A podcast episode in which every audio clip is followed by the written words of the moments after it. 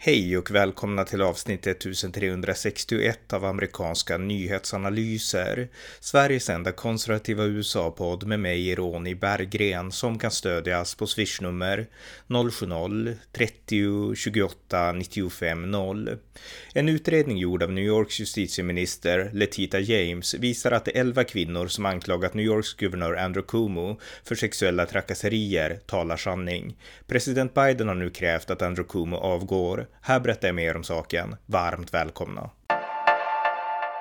Ja, jag tänkte uppdatera lite om den utredning som har gjorts om anklagelserna om sexuella trakasserier som har riktats mot New Yorks guvernör Andrew Cuomo.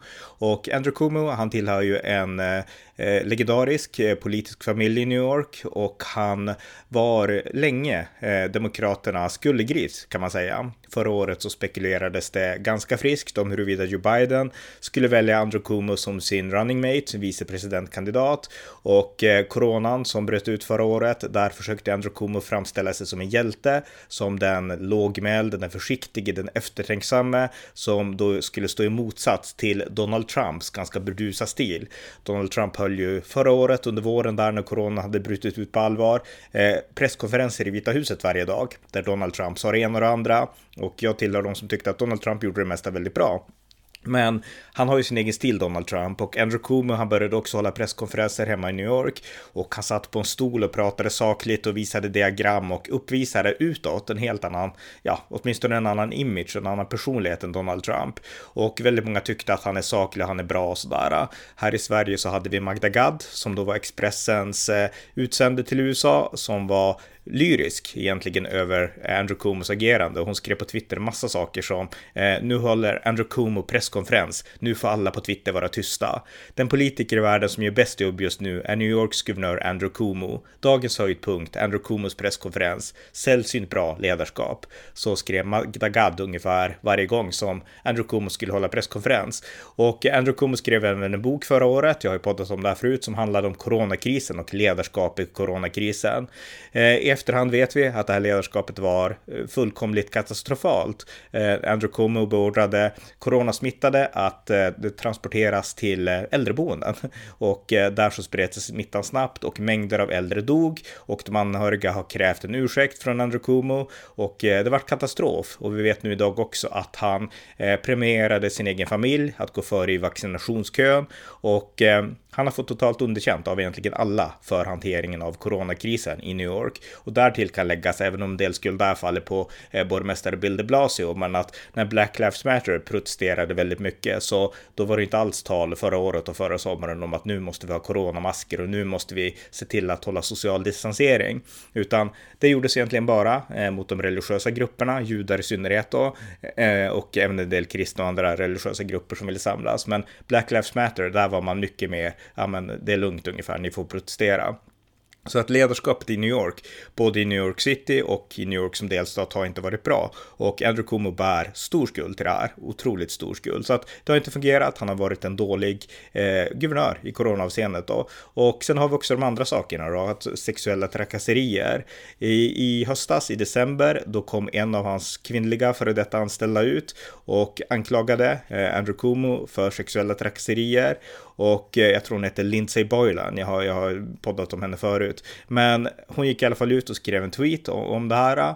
Och eh, Andrew Cuomo förnekade allt och sen så kom fler kvinnor ut och berättade att eh, nej men vi har blivit utsatta för, för sexuella trakasserier. Och det finns en, eh, ett klassiskt fotografi på när eh, han, eh, ja, han är inne på det som ser ut att vara en bar och där så finns det en av hans kvinnliga anställda, jag har glömt hennes namn nu, men fotot är ganska känt och han lägger händerna bakom hennes nacke och drar henne mot sig. Hon ser lite förskräckt ut i blicken och där är en kvinna han aldrig har träffat förut. Hon jobbar åt honom längre ner i någon slags stab och eh, ja, it's, eh, det ser inte appropriate ut eh, kan man säga då, den här bilden. Så att de här, eh, vad ska man säga, anklagelserna har cirkulerat ganska länge och allt som allt så är det 11 kvinnor som kommit fram och anklagat Andrew Cuomo för sexuella trakasserier. Och eh, nu har alltså, och han har förnekat och han har sagt att den utredning som eh, justitiedepartementet i New York eh, har sagt att de ska genomföra, han har sagt att ni får vänta tills den utredningen är gjord, men jag är oskyldig.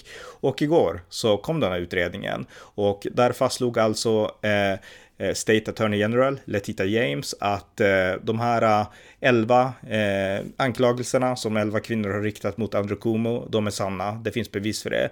Andrew Cuomo har sexuellt trakasserat dem. Så att där är vi nu. Han är skyldig, dömd skyldig för det här då. Och väldigt många har nu gått ut, demokrater, och sagt att Andrew Cuomo måste, han måste avgå helt enkelt. Nancy Pelosi, Speaker of the House, har ställt sig på den sidan. De omgivande guvernörerna, omgivande kring New York, har, har ställt sig på den sidan också. Och president Biden har också sagt att han har visserligen inte läst rapporten, men han anser också att Andrew Cuomo måste avgå. Så att Andrew Cuomo har nu blivit utfryst från sitt eget parti, kan man säga. Och eh, alla de här spekulationerna om att han skulle kunna bli en blivande president och vicepresident och sånt från förra året, de är borta just nu. Men ingenting tyder på att Andrew Cuomo kommer att avgå frivilligt. Han, han kämpar emot mer än någonsin och han Eh, Eh, han kommer också att eh, ställa upp frånval nästa år, 2022, och han har samlat in pengar till det och så. Så att han verkar inte vilja det. Och i New York så kan folket inte göra en recall som man kan i, i, i Kalifornien, vilket är väldigt aktuellt där borta just nu på västkusten. Men det går inte i New York, utan enda sättet att avsätta en sittande guvernör, det är en riksrätt, en impeachment. Och eh, den utförs då av The New York General Assembly, där initieras den och sen så är det medlemmar av senaten och högsta domstolen i New York som fattar beslut beslutet då, om man ska avsättas eller inte.